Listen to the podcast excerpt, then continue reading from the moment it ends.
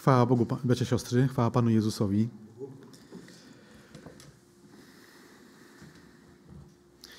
Syn człowieczy jest Panem Sabatu. To jest temat dzisiejszego kazania, który jest oparty o wypowiedź Pana Jezusa Chrystusa, zanotowaną przez ewangelistę Marka w drugim rozdziale, 28 wersecie. Będziemy mogli dzisiaj, rozważając ten fragment, nakarmić swoje dusze, swoje serca Bożą naturą Pana Jezusa Chrystusa. Rozważając ten fragment, będziemy mogli również przyjrzeć się jak zwierciadle usposobieniu Pana Jezusa Chrystusa, bo takie też chcielibyśmy w sobie pielęgnować i rozwijać. Omówimy w tym fragmencie kilka pytań, zaraz do nich jeszcze przejdę, ale najpierw ten fragment odczytamy.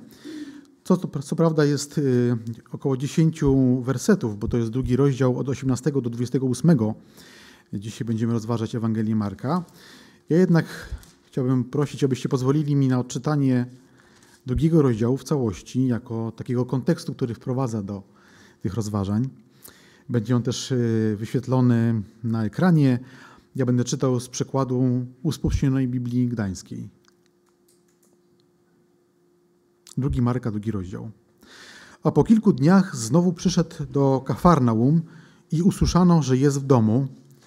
I zaraz zeszło się tak wielu ludzi, że nie mogli się zmieścić nawet przed drzwiami i głosił im Słowo Boże. Wtedy przyszli do, przy, przyszli do niego niosąc sparaliżowanego, a niosło go czterech ludzi, a gdy nie mogli go do niego podejść z powodu tłumu, odkryli dach nad miejscem, gdzie był Jezus, wyłamali go i spuścili na dół posłanie, na którym leżał sparaliżowany. A Jezus, widząc ich wiarę, powiedział do sparaliżowanego: Synu, Twoje grzechy są Ci przebaczone. A byli tam niektórzy z uczonych w piśmie, siedząc i myśląc w swoich sercach: Czemu on mówi takie bluźnierstwa? Któż może przebaczać grzechy oprócz samego Boga? A Jezus, zaraz poznawszy w swym sercu, w swym duchu, że tak myśleli, powiedział do nich: Czemu tak myślicie w swoich sercach? Cóż jest łatwiej powiedzieć spaliżowanemu: Przebaczone są ci grzechy, czy powiedzieć: Wstań we swoje posłanie i chodź? Ale żebyście wiedzieli, że syn człowieczy ma na ziemi moc przebaczać grzechy, powiedział do spaliżowanego: Mówię ci, wstań we swoje posłanie i idź do domu. A on natychmiast wstał, wziął swoje posłanie i wyszedł na oczach wszystkich, tak że wszyscy byli zdumieni i chwalili Boga, mówiąc: Nigdy nie widzieliśmy czegoś takiego. I wyszedł znów nad morze i przychodził do niego cały tłum, a on ich nauczał, a przychodząc zobaczył Lewiego, syna Alfeusza, siedzącego w punkcie celnym i powiedział do niego, pójdź za mną. A on wstał i poszedł za nim. A kiedy Jezus siedział za stołem w jego domu, razem z Jezusem i jego uczniami siedziało wielu celników i grzeszników, bo było ich wielu i chodzili za nim. A uczeni w piśmie i faryzeusze, widząc, że je z celnikami grzesznikami, mówili do jego uczniów, cóż to jest, że on je i pije z celnikami grzesznikami? A Jezus, usłyszawszy to, powiedział im, nie zdrowi, lecz chorzy potrzebują lekarza. Nie przyszedłem wzywać do pokuty sprawiedliwych, ale grzeszników. A uczniowie Jana i faryzeuszy pościli, przyszli więc i pytali go, czemu uczniowie Jana i faryzeuszy poszczą, a twoi uczniowie nie poszczą? I powiedział im Jezus, czy przyjaciele oblubieńca mogą pościć, gdy jest z nimi oblubieniec? Dopóki mają ze sobą oblubieńca, nie mogą pościć. Lecz przyjdą dni, gdy oblubieniec zostanie od nich zabrany, a wtedy, w tych dniach, będą pościć. Nikt nie przeszywa łaty z nowego sukna do starej szaty, inaczej nowa łata ujmuje nieco od starej szaty i rozdarcie staje się gorsze. Nikt też nie wlewa młodego wina do starych bukłaków, bo inaczej młode wino rozsadza bukłaki i wino wyciaka, a bukłaki się psują. Lecz nowe wino należy wlewać do nowych bukłaków. A gdy Jezus szedł w szabat przez zboża, jego uczniowie zaczęli po drodze zrywać kłosy. Wtedy faryzeusze mówili do niego: Spójrz, czemu oni robią w szabat to, czego nie wolno robić? A oni, on im odpowiedział: Nigdy nie czytaliście, co zrobił Dawid, gdy znalazł się w potrzebie i był głodny, on i ci, którzy z nim byli? Jak szedł do domu Bożego za Abiatara, najwyższego kapłana, i jadł chleby podkładne, których nie wolno jeść nikomu oprócz kapłanów, i dał również tym, którzy z nim byli? Powiedział im także: Szabat został ustanowiony dla człowieka, a nie człowiek dla szabatu. Dlatego syn człowieczy jest też panem szabatu. W tym fragmencie, 18 rozdział, werset y, do 20, będziemy chcieli również zastanowić się nad kilkoma pytaniami, które, do których będę nawiązywał w trakcie tego kazania, ale teraz je y, przedstawię. Kiedy uczeń Pana Jezusa, kiedy chrześcijanin ma pościć? Wiem, że pytanie, kiedy ma pościć, powinno być poprzedzone, czy ma pościć, czy w ogóle ma to robić. Y, ja założyłem, że ma to robić, dlatego zadałem pytanie od razu, czy Y, nie czy ma to robić, tylko kiedy. Drugie pytanie, czy, czym współcześnie byłoby wszywanie nowej szaty w stare sukno albo wlewanie nowych, nowego wina w stare bukłaki? I jak poprawnie i skutecznie rozważać Pismo Święte? Zacznijmy od 18 wersetu. Uczniowie Jana i faryzeusze pościli, przyszli więc i zapytali go, czemu uczniowie faryzeuszy i Jana poszczą, a twoi uczniowie nie poszczą. Ten fragment 18 wersetu rozpoczyna kolejne zmagania się y, faryzeuszy z Panem Jezusem, czy na odwrót, to już y, widzimy to w tym tekście. I jest to pytanie, które ma w sobie zaszyty zarzut. Tak przynajmniej ja, y, czytając je też w różnych przekładach, mam takie wrażenie, że jest tam odrobina uszczypliwości takiej, no bo my pościmy, a, a wy nie. Co do tego, co do tych dwóch grup, które były z całą pewnością bardzo gorliwe, można by zastanowić się nad tym, z jakiego powodu oni pościli akurat w tym momencie.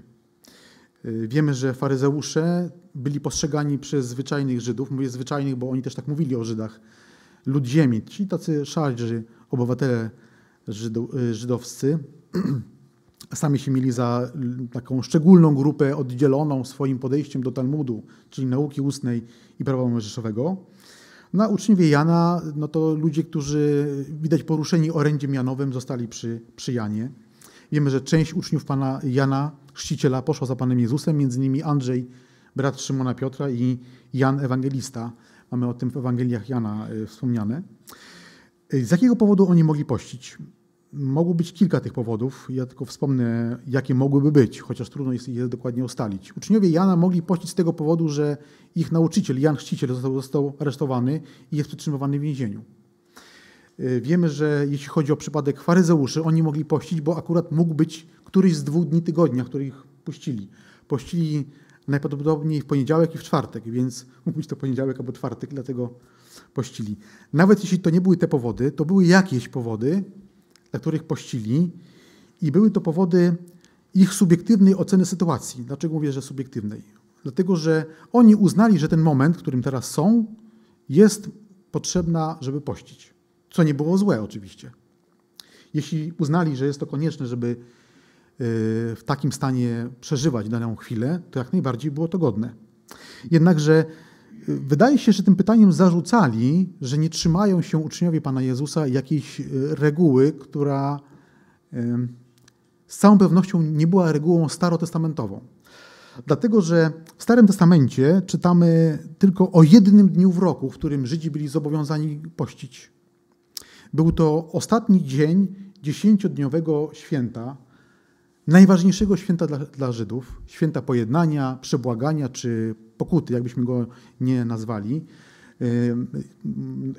Często o nim się mówi Jom Kippur, dwa słowa. Jom dzień, Kippur przebłaganie, pokuta czy pojednanie. I mamy o tym wspomniane w Księdze Kapłańskiej, 16 rozdziale, od 26 wersetu. Ja tylko podaję namiary, ale nie będę go czytał, tego fragmentu. Chodzi o to, że w tym czasie, w tym ostatnim dniu Żydzi byli zobowiązani do chrztu, do postu, dlatego że tam się wiązało też z pewnymi zachowaniami. Kapłani wypędzali na, na, pustynię, czy na pustynię kozła. Tam wszystko miało swoje y, znaczenie i było obrazem. Y, obrazem Nowego Testamentu. Samo święto jest obrazem krzyżowej śmierci Pana Jezusa Chrystusa, zbawiennej śmierci dla, dla ludzi. I y, to, że to święto właśnie taki miały obraz, że w ogóle kapłaństwo i rodzaj wszystkich ofiar miały taki obraz. Zaraz powrócę do postu. To troszeczkę tak teraz y, zrobiłem taką dygresję na, na pobocze, ale uważam, że ona jest ważna. Kapłaństwo i ofiary miały znaczenie w obrazie Pana Jezusa. Gdybyśmy otworzyli Hebrajczyków, dziewiąty rozdział, będziemy mieli także to wyświetlone również na ekranie, to w wersetach 11, 12, 15 i od 22 wersetu o tym czytamy. Hebrajczyków 9, 11. Lecz Chrystus, gdy przyszedł jako najwyższy kapłan dóbr przyszłych, przez większy i doskonalszy przybytek, nie uczyniony ręką, jest to nienależący do tego budynku, czyli świątyni, ani nie przez krew kozów i cielców, ale przez własną krew przyszedł do miejsca najświętszego, zdobywszy wieczne odkupienie. 15. I dlatego jest pośrednikiem nowego przymierza, czy testamentu, ażeby przez śmierć poniesioną dla odkupienia występków popełnionych za pierwszego przymierza ci, którzy zostali powołani, otrzymali obietnicę wiecznego dziedzictwa. I od 22. I prawie wszystko jest oczyszczane krwią zgodnie z prawem, a bez przelania krwi nie ma przebaczenia grzechów. Było więc konieczne, aby obrazy rzeczy, które są w niebie, były oczyszczone w ten sposób, same zaś rzeczy niebiańskie lepszymi ofiarami od tamtych. Chrystus bowiem wszedł do świątyni zbudowanej, nie wszedł do świątyni zbudowanej ręką, która była odbiciem prawdziwej, ale do samego nieba, aby teraz stawiać dla nas przed Bogiem, przed obliczem Boga. Nie po to, żeby często ofiarowywać siebie samego jako najwyższy kapłan, który wchodzi co roku do miejsca najświętszego z cudzą krwią, bo inaczej musiałby cierpieć wiele razy od początku świata, lecz raz na końcu wieków pojawił się raz dla zgładzenia grzechów przez ofiarowanie samego siebie. A jak jest postanowione ludziom raz umrzeć, a potem sąd, tak też Chrystus, raz ofiarowany na zgładzenie grzechów wielu, drugi raz ukaże się bez grzechu tym, którzy go oczekują dla zbawienia. Jest to dłuższy wywód e, autora listu do Hebrajczyków, który pokazuje, że wszystko, co było w prawie, jest obrazem tego, co możemy zobaczyć w Panu Jezusie Chrystusie. Również można do tego nawiązać w kontekście postu. Pan Jezus rozwija tą myśl o poście, zaraz do tego powrócę, w jaki sposób na to, na to odpowiada i dlaczego. Ale powracając do postu, zastanówmy się, czym jest post. Jest takim szczególnym czasem smutku, żalu, pokuty, żałoby, szczególnego czasu poświęcenia siebie i wyrzeczenia się dla relacji dla Boga. Tak go można mniej więcej określić to słowo. I w Ewangelii czytamy o różnych, o różnym czasie czy różnych postach. 40 dni postu Pana Jezusa Chrystusa.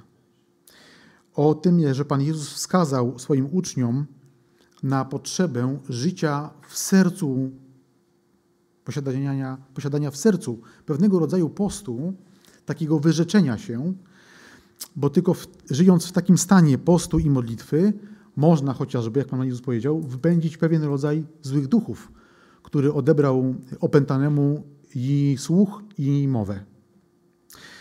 Kiedy zatem uczeń Pana Jezusa, chrześcijanin, ma dzisiaj pościć?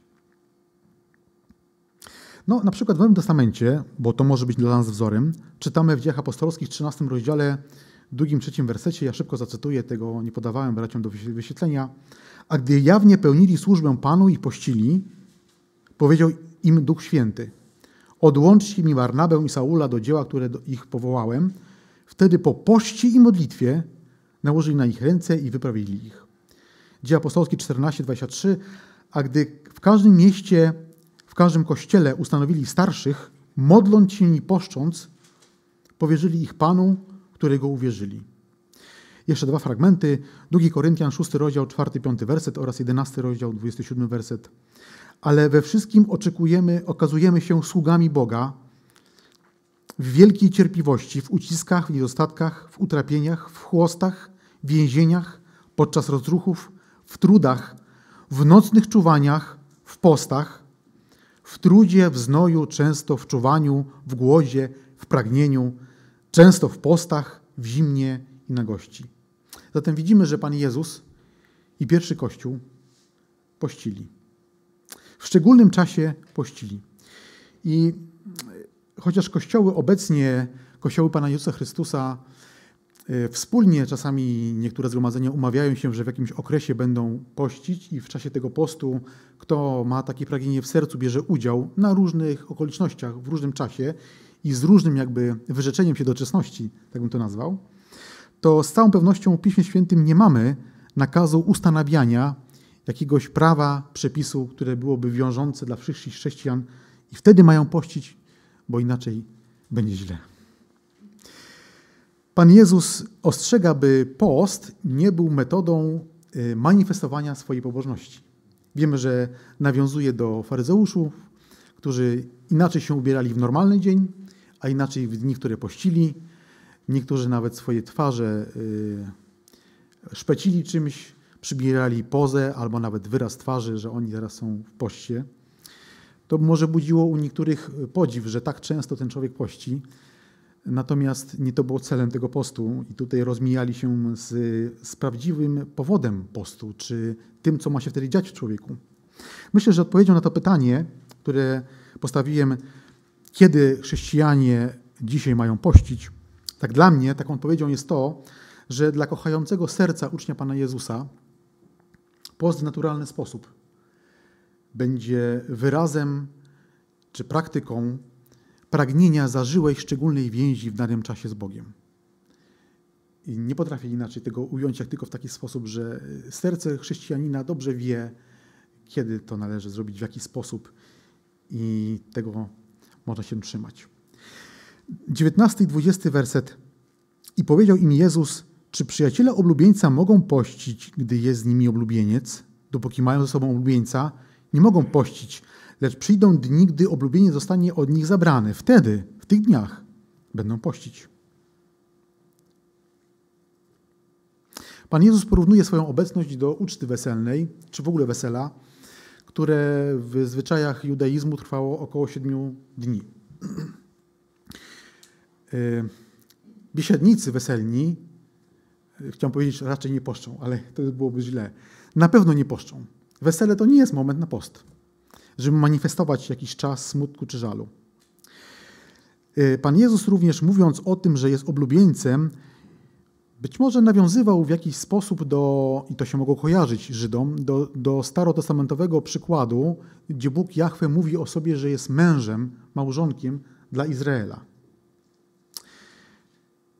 Jakbyśmy tego nie tłumaczyli, tej metafory Pana Jezusa, to z całą pewnością była zrozumiała dla ówczesnych Panu Jezusowi, również dla nas dzisiaj, że Chrystus zapowiada, że będzie taki czas, w tej metaforze zapowiada, że będzie taki czas, kiedy uczniowie będą pościć. I wiemy, że był taki czas, kiedy Pana Jezusa zabito na krzyżu Golgoty.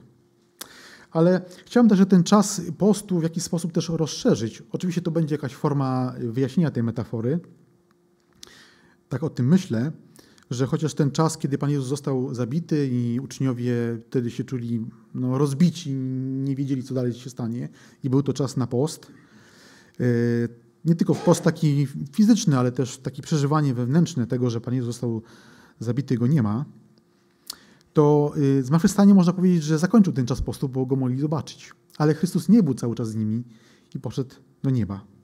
Można powiedzieć, że ten okres pomiędzy wniebostąpieniem Pana Jezusa do nieba, a Jego przyjściem jest pewnym rodzajem postu. W tym sensie, że tęsknimy do relacji z Panem Jezusem. W naszym duchu, w naszym wnętrzu Duch Boży pobudza tą taką tęsknotę, żeby już z Panem Jezusem się zobaczyć, już się spotkać. Wyczekujemy każdego dnia tego, tej obecności. I ta tęsknota powoduje jakieś takie przeżycia właśnie y, utęsknienia czy postu do, do spotkania z Panem. 21 22 werset. Nikt nie przeszywa łaty z nowego sukna do starej szaty, inaczej nowa łata ujmuje nieco od starej szaty i rozdarcie staje się gorsze. Nikt też nie wlewa młodego wina do starych bukłaków, bo inaczej młode wino rozsadza bukłaki i wino wycieka, a bukłaki się psują, lecz nowe wino należy wlewać do nowych bukłaków.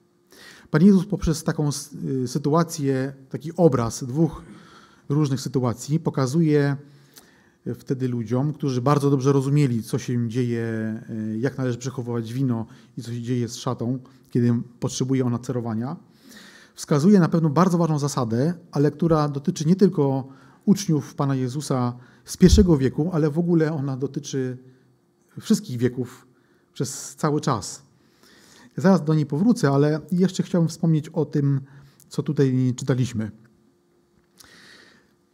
Ten zarzut, który był w wersecie 18, że uczniowie Twoi nie poszczą, no a my wszyscy to pościmy, Pan Jezus tutaj rozwija i go uzasadnia. Yy, uzasadnia, że jest on bezpodstawny. Jak ustaliliśmy, post, który przechodzi, który wtedy, w którym wtedy byli uczniowie Jana i, i faryzeusze, nie był postem nakazanym przez Pismo Święte nie był postem, można powiedzieć, prawomocnym w sensie takim, że nie nakazywało go prawo. To był ich zwyczaj i mogli w nim pozostać. Ale oni manifestowali przez to swoją pobożność i chyba też, albo nawet na pewno oczekiwali jakiejś manifestacji pobożności też od uczniów Pana Jezusa. Ale Pan Jezus pokazuje, że nie można łączyć ludzkiego sposobu wielbienia Boga, tego jak człowiek sobie wyobraża, jak należy Bogu oddawać cześć, z nowym przymierzem, który jest w Chrystusie. To są rzeczy nie do połączenia. Legalizmu stworzonego przez ludzi nie da się połączyć z Ewangelią łaski. Można próbować, ale i z jednego, i z drugiego nie będzie pożytku. Tak jak młode wino, które wlejemy do starego bukłaku, czyli do skóry, która już się rozciągnęła, a ono jeszcze fermentuje i tam się wytwarzają gazy, przez co zwiększa się objętość, w końcu one pękną. Nie da się tego tak przechowywać. Tak jak nie wkłada się y, szaty do, w szatę łaty z nowego materiału, bo on w kontakcie z wodą czy temperaturą będzie zmieniać swoją objętość i rozerwie jeszcze bardziej tą szatę i jedno i drugie będzie do wyrzucenia. Tak Pan Jezus pokazuje, że tych rzeczy, które sobie człowiek wymyślił jako punkt wielbienia Boga i Ewangelii nie da się połączyć. Taka próba połączenia spowoduje, że zniszczymy jedno i drugie.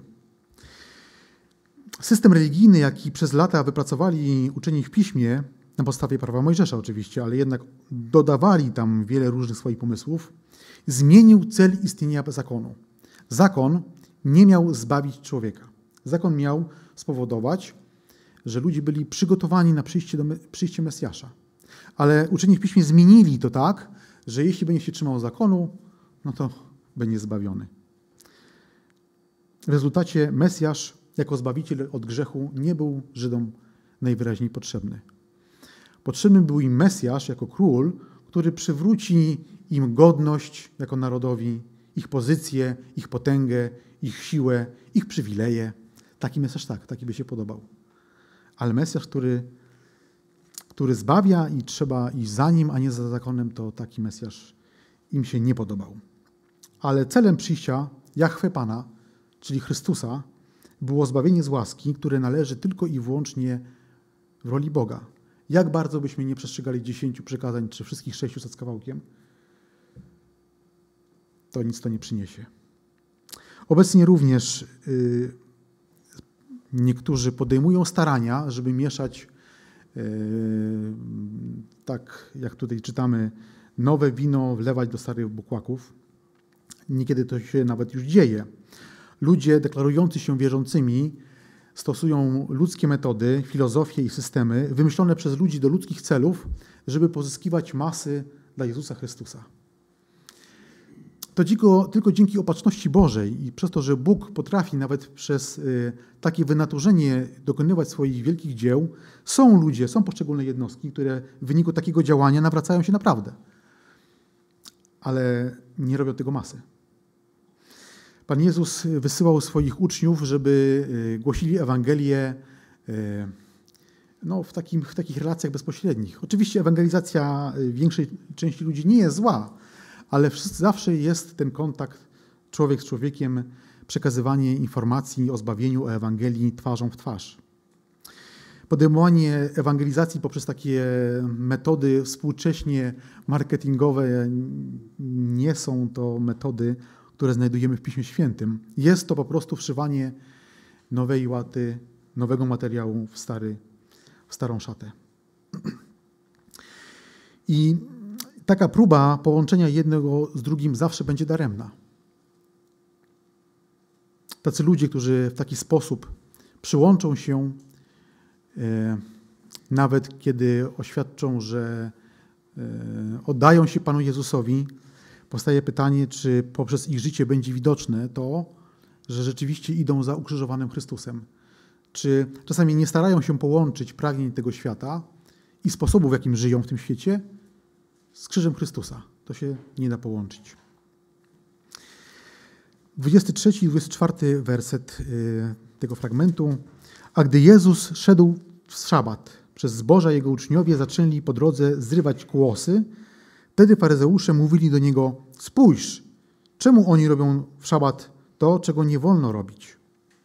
To wydarzenie jest klasycznym przykładem y, pomysłu uszlachetnienia prawa Bożego.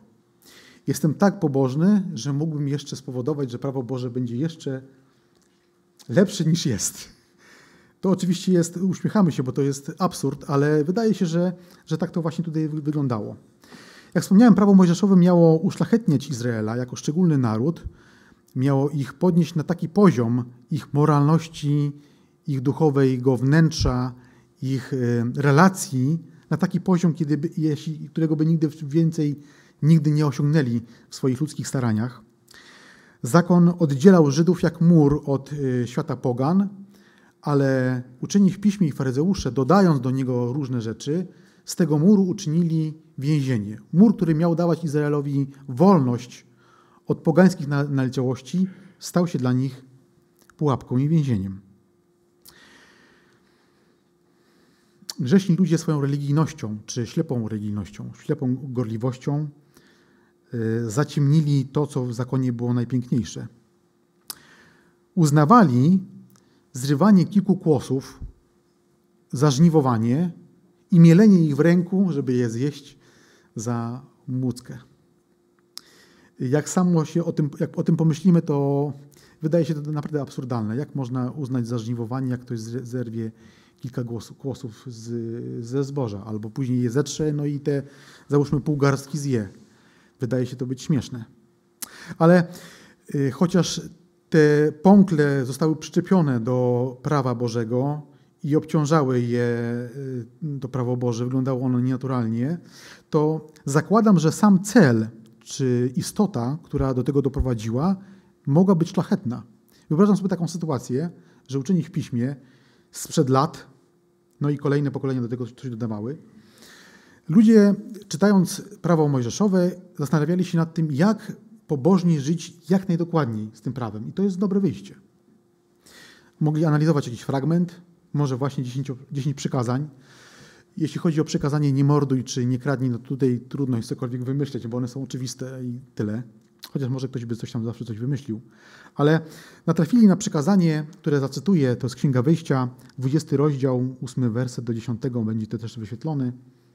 Pamiętaj o dniu szabatu, aby go święcić, sześć dni będziesz pracować i wykonywać wszystkie swoje prace, ale siódmy dzień będzie szabatem Jahwe Pana, Twego Boga. W tym dniu nie będziesz wykonywał żadnej pracy. I uważam sobie grupkę ludzi, którzy znają dobrze prawo, mają też do tego prawo takie społeczne, żeby się tym zajmować.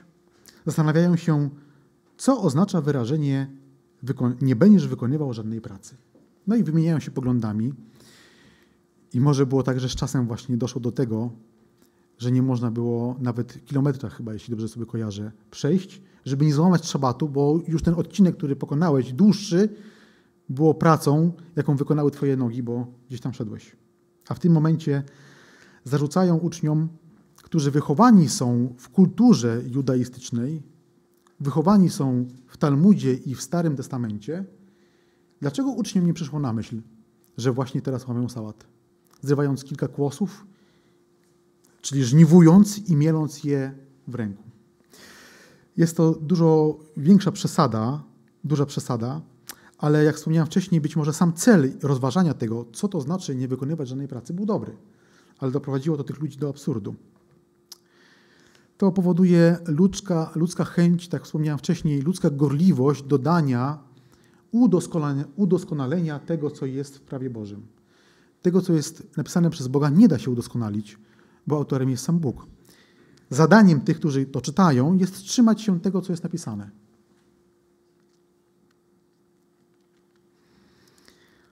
Pan Jezus odwołuje się do ducha zakonu, nie zajmuje się rozpatrywaniem tego zarzutu, że uczniowie łamią szabat tylko i wyłącznie samym fragmentem, który nakazuje przestrzeganie szabatu, tylko Pan Jezus odwołuje się do całego ducha zakonu, tłumacząc ten mały fragment całością zakonu, a nie tylko samym faktem tego, że chodzi tu o szabat. Posłuchajmy 25 i 26 werset. A on im odpowiedział: Nigdy nie czytaliście, co zrobił Dawid, gdy znalazł się w potrzebie i był głodny, on i ci, którzy z nim byli. Jak wszedł do domu Bożego za Abiatara, najwyższego kapłana, i jadł chleby pokładne, których nie wolno było jeść nikomu oprócz kapłanów, i dał również tym, którzy z nim byli. Pan Jezus zostawia szabat i odwołuje się do innej sytuacji, która była równie poważna.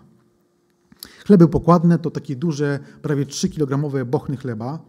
Było ich 12 y, i one były y, umieszczone na specjalnym stole. Gdybyśmy prześledzili Księgę Wyjścia, 25 rozdział, nie będziemy tego robić, y, ostatnich kilkanaście wersetów, to tam mamy opis tego, jak ten stół miał być przygotowany. Bóg daje opis dokładnie, z czego ma być wykonany, czym pokryty, gdzie ma stać i tak dalej. I jedno zdanie z tego fragmentu brzmi: Na ten stół nieustannie będziesz kłaść przede mną, tu mówi Bóg Jahwe, chleby pokładne. W Księdze Kapłańskiej, 24 rozdziale, tam też jest opis tego, jak te chleby mają być przygotowane. Ile mąki, jak ma być to przygotowywane. Wszystko jest dokładnie opisane. Co więcej, jest nawet napisane, w którym miejscu, jak te chleby mają być ułożone. Po sześć, mają być ich dwanaście. Czyli bardzo dokładnie Bóg opisał, bo to była rzecz święta. I z Księgi Kapłańskiej czytamy jedno zdanie i będą leżały te chleby do Arona i jego synów, będą je jeść w miejscu świętym, gdyż jest to dla nich najświętsza rzecz ze spalonych ofiar Jachwę Pana jako wieczysta ustawa. I więc mówimy o poważnej sprawie. A Pan Jezus odwołuje się do sytuacji, w której Dawid jego ludzie jedli chleby, które były w miejscu świętym, w którym mogli być tylko kapłani i tylko oni je jedli. Zobaczmy, do jakiej sytuacji odwołuje się Pan Jezus. To będzie 1 Samuela, 21 rozdział. Od pierwszego wersetu kilka kolejnych. Potem Dawid przyszedł do Nob, do arcykapłana Achimelecha. Achimelech wyszedł przestraszony naprzeciw Dawida i zapytał go, dlaczego jesteś sam?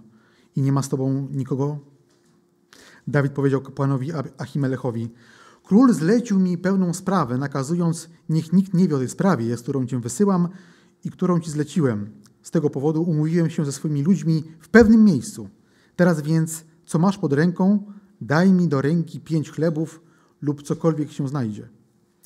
Kapłan odpowiedział Dawidowi, nie mam pod ręką zwykłego chleba, tylko chleb poświęcony. Dam ci go pod warunkiem, że słudzy wstrzymali się od kobiet. Dawid odpowiedział kapłanowi: Na pewno kobiety były oddalone od nas przez trzy dni, odkąd wyruszyłem. Naczynia młodzieńców są więc czyste, a chleb jest w pewnym sensie zwykły, chociaż został dziś poświęcony w naczyniu. Kapłan mu więc y, dał mu więc poświęcony chleb, gdyż nie było tam niczego innego chleba, oprócz chleba pokładnego, który zabrano sprzed oblicza Jachwe Pana, który w tym dniu w dniu jego usunięcia położyli y, świeży chleb. Więc mamy całą relację. Jak się domyślamy, król Saul wcale nigdzie Dawida nie posłał.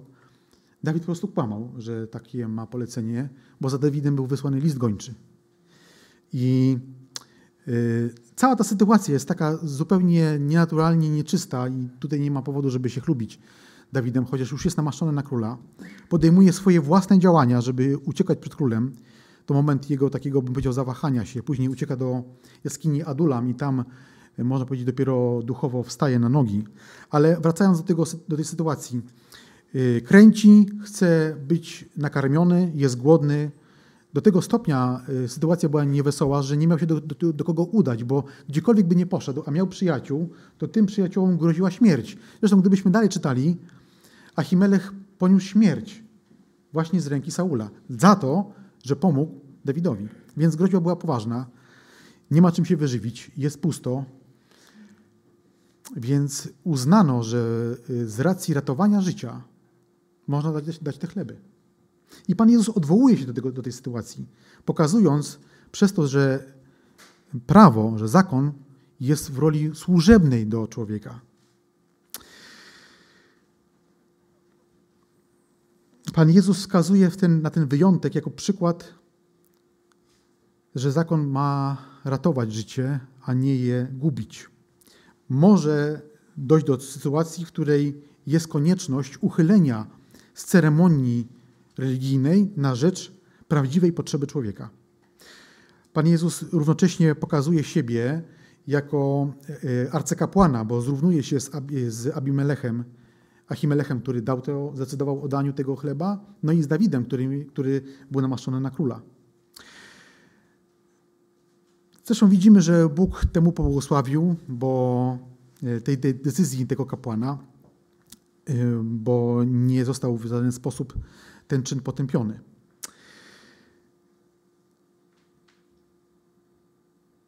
Przykładem tym Pan Jezus także argumentuje służebną rolę, jak wspomniałem, zakonu wobec człowieka. Celem zakonu miało być uszlachetnić człowieka, miało być, jak wspomniałem wcześniej, wynieść go na poziom taki, aby mógł mieć relację z Bogiem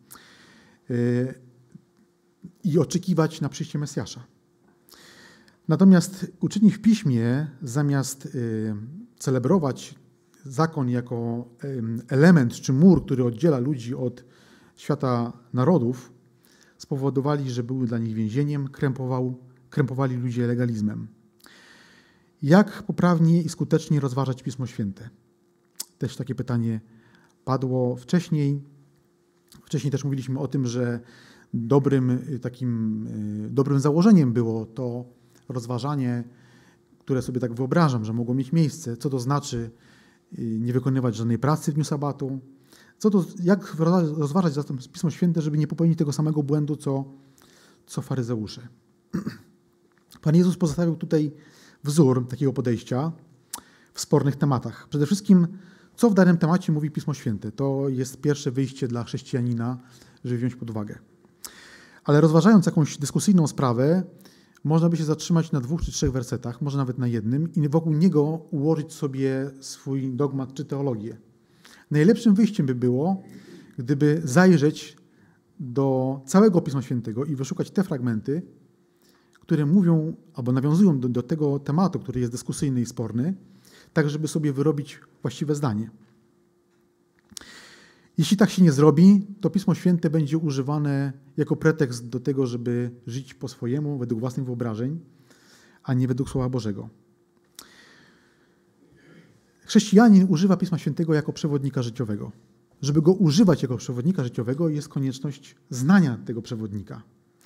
Dlatego bardzo ważne jest, aby pilnować modlitwę, czytanie Pisma Świętego mniej na zasadzie przejrzenia kilku rozdziałów, bo już je znam, tylko takiego skrupulatnego, powolnego czytania Słowa Bożego z modlitwą, z prośbą o Ducha Świętego Oczywiście konieczne jest wtedy jakieś może miejsce, żeby było możliwe skupienie, też właściwy czas do tego, żeby zaangażować myśli i serce do takiego czytania. Wymaga to po prostu wysiłku. Ale chciałem jeszcze dwa słowa powiedzieć, zanim przejdę do, do ostatnich dwóch wersetów, na temat y, tej rozbieżności, którą na pewno zauważyliśmy. Mianowicie w Ewangelii Marka czytamy o tym, że Pan Jezus mówi za arcykapłana czy kapłana, w zależności od tłumaczenia, Abiatara, a w Samuela czytamy, że tym arcykapłanem był Achimelech. Y, to nie jest ta sama osoba, to nie jest inne imię tej samej osoby. Achimelech jest ojcem Abiatara i wtedy właśnie jest arcykapłanem, kiedy przychodzi do niego Dawid. Dlaczego wobec tego Pan Jezus odwołuje się na Abiatara? Otóż, gdybyśmy dalej przeczytali, to w wyniku zdrady do, zdrady do Ega, Edomity, który był w służbie Saula, tak sobie myślę, co Edemita robił w służbie króla Izraela, ale to już jakby oddzielny temat.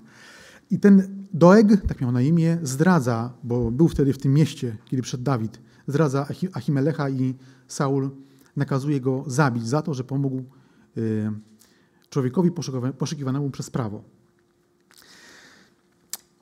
I w dalszej części historii arcykapłanem zostaje Abimelech. Y, nie, przepraszam, nie Abimelech, tylko Abiatar. I Abiatar za czasów, za, za czasów królowania Dawida jest arcykapłanem. Później też Sadok. Ale można powiedzieć, że Jezus tutaj użył pewnego skrótu myślowego, który, którego dobrze rozumieli ówcześni mu ludzie. Gdyby na przykład popełnił jakiś błąd, żeby e, innego człowieka postawił na miejsce tego właściwego, to możemy być pewni, że faryzeusze by na pewno jakąś celną ripostę tutaj wystosowali. Tym bardziej, że Pan Jezus rozpoczyna całą tą wypowiedź takim, takimi słowami. Czy nigdy nie czytaliście? Czyli sam jakby poddaje wątpliwość, że to im umknęło. A gdyby sam ten błąd popełnił, no to na pewno byłoby to zauważone. Chodzi o to, że Pan Jezus używa pewnego skrótu myślowego, mówiąc o abiatarze. Zresztą ten skrót za abiatara można również przetłumaczyć w takiej pełnej formie w trakcie życia abiatara, więc tutaj nie ma żadnego błędu. Yy, jak najbardziej jest to poprawne, tym bardziej, że ówcześni ludzie nie zarzucali nic takiego. Poza tym przypisywanie Panu Jezusowi błędu byłoby, byłoby nie, no, niesłuszne, jeśli nie bluźniercze. 27 i 28 werset. Powiedział im także, szabat został ustanowiony dla człowieka, a nie człowiek dla szabatu. Dlatego Syn Człowieczy jest, jest też Panem szabatu. Pan Jezus dowodzi, że cały zakon, świątynia, wszystkie przepisy dotyczące ofiar, kapłaństwo, wszystko to służy podniesieniu narodu izraelskiego na taki poziom, na który mogli oczekiwać na Mesjasza. Szabat spełniał właśnie tę rolę, żeby ludzie mogli poświęcić co tydzień jakiś moment, cały dzień, na to, żeby poświęcić się modlitwie, odpoczynkowi, na relacji z Bogiem w taki bardzo osobisty sposób. Ale ludzie w swym grzesznym stanie uczynili z sabatu, który miał być wyzwoleniem do relacji z Bogiem, uczynili z niego dręczące więzy. Y, rozważmy to określenie Syn Człowieczy jest Panem Szabatu. Szabat dany Izraelowi w ramach przymierza prawa, które zostało dane pod górą Synaj, w ramach całego tego prawa przymierza wchodziło 10 przykazań, a w tych 10 przykazaniach jest również mowa o szabacie. I ten szabat jest odpowiednikiem dnia siódmego, dnia siódmego, w którym to Bóg odpoczął. Czytamy o tym w Księdze Rodzaju, drugim wersecie, drugim rozdziale, wersecie 1-3, gdzie Bóg Jahwe odpoczywa od dzieła stwarzania, wtedy ten dzień poświęcił, pobłogosławił i w nim odpoczął. Chrystus, nazywając się Panem Sabatu, oświadcza, że ma wszelkie prawo do dysponowania tym dniem, tak jak byłby, byłby w zasadzie jest jego autorem. Jest jego właścicielem. W tej sytuacji Chrystus oczyszcza szabat z tych wszystkich pąkli na, na które poprzyczepiali mu ludzie i pokazuje, że jest to czas radości, jest to czas odpoczynku, jest to czas y, wyzwolenia, a nie jarzmo z którego uczynili e, szabat rabini. W równoległym sprawozdaniu Ewangelii Mateusza, ten fragment też odczytamy, to jest 16, przepraszam, 12 rozdział Ewangelii Mateusza 1,8, też go będziemy mogli zobaczyć na ekranie. To samo zdarzenie opisane przez Mateusza. W tym czasie Jezus przechodził w szabat wzdłuż zbóż, a jego uczniowie byli głodni i zaczęli zrywać kłosy i jeść. Kiedy faryzeusze to zobaczyli, powiedzieli mu: Oto twoi uczniowie robią to, czego nie wolno robić w szabat. On im odpowiedział: Czy nie czytaliście, co zrobił Dawid, gdy był głodny, on i ci, którzy z nim byli? Jak wszedł do domu Bożego i jadł chleby pokładne, których nie wolno było jeść jemu, ani tym, którzy z nim byli, tylko samym kapłanom? Albo czy nie czytaliście w prawie, że w szabat kapłani w świątyni naruszają szabat, a są bez winy?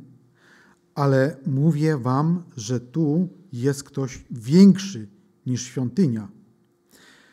A gdybyście wiedzieli, co oznacza miłosierdzia chcę, a nie ofiary, nie potępialibyście niewinnych.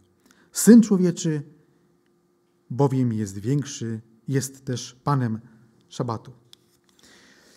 Tu są dodatkowe informacje, między innymi to, że Pan Jezus mówi, że tutaj jest coś większego niż świątynia. Co mogło być dla Żyda większego niż świątynia? Sam Bóg, który w niej mieszkał, sam Bóg Jahwe. Pan Jezus pokazuje przez to, że jest tym Bogiem Jahwe, który im dał szabat. Dlatego może nim dysponować, dlatego widzi, że nikt go nie łamie, a wszystko, co zostało do niego doczepione, to jest złamaniem szabatu. Pan Jezus z tym, z tym oświadczeniem, które tu czytamy, że jest Panem Szabatu, pokazuje, że jest to Jego dzień. Jako Pan tego dnia, który go ustanowił, sam może wyraźnie nim dysponować. Jednoznacznie daje do zrozumienia Jego słuchaczom, także nam dzisiaj, że On jest tym Bogiem, Jahwe, Zbawicielem, posłanym do całej ludzkości. Amen.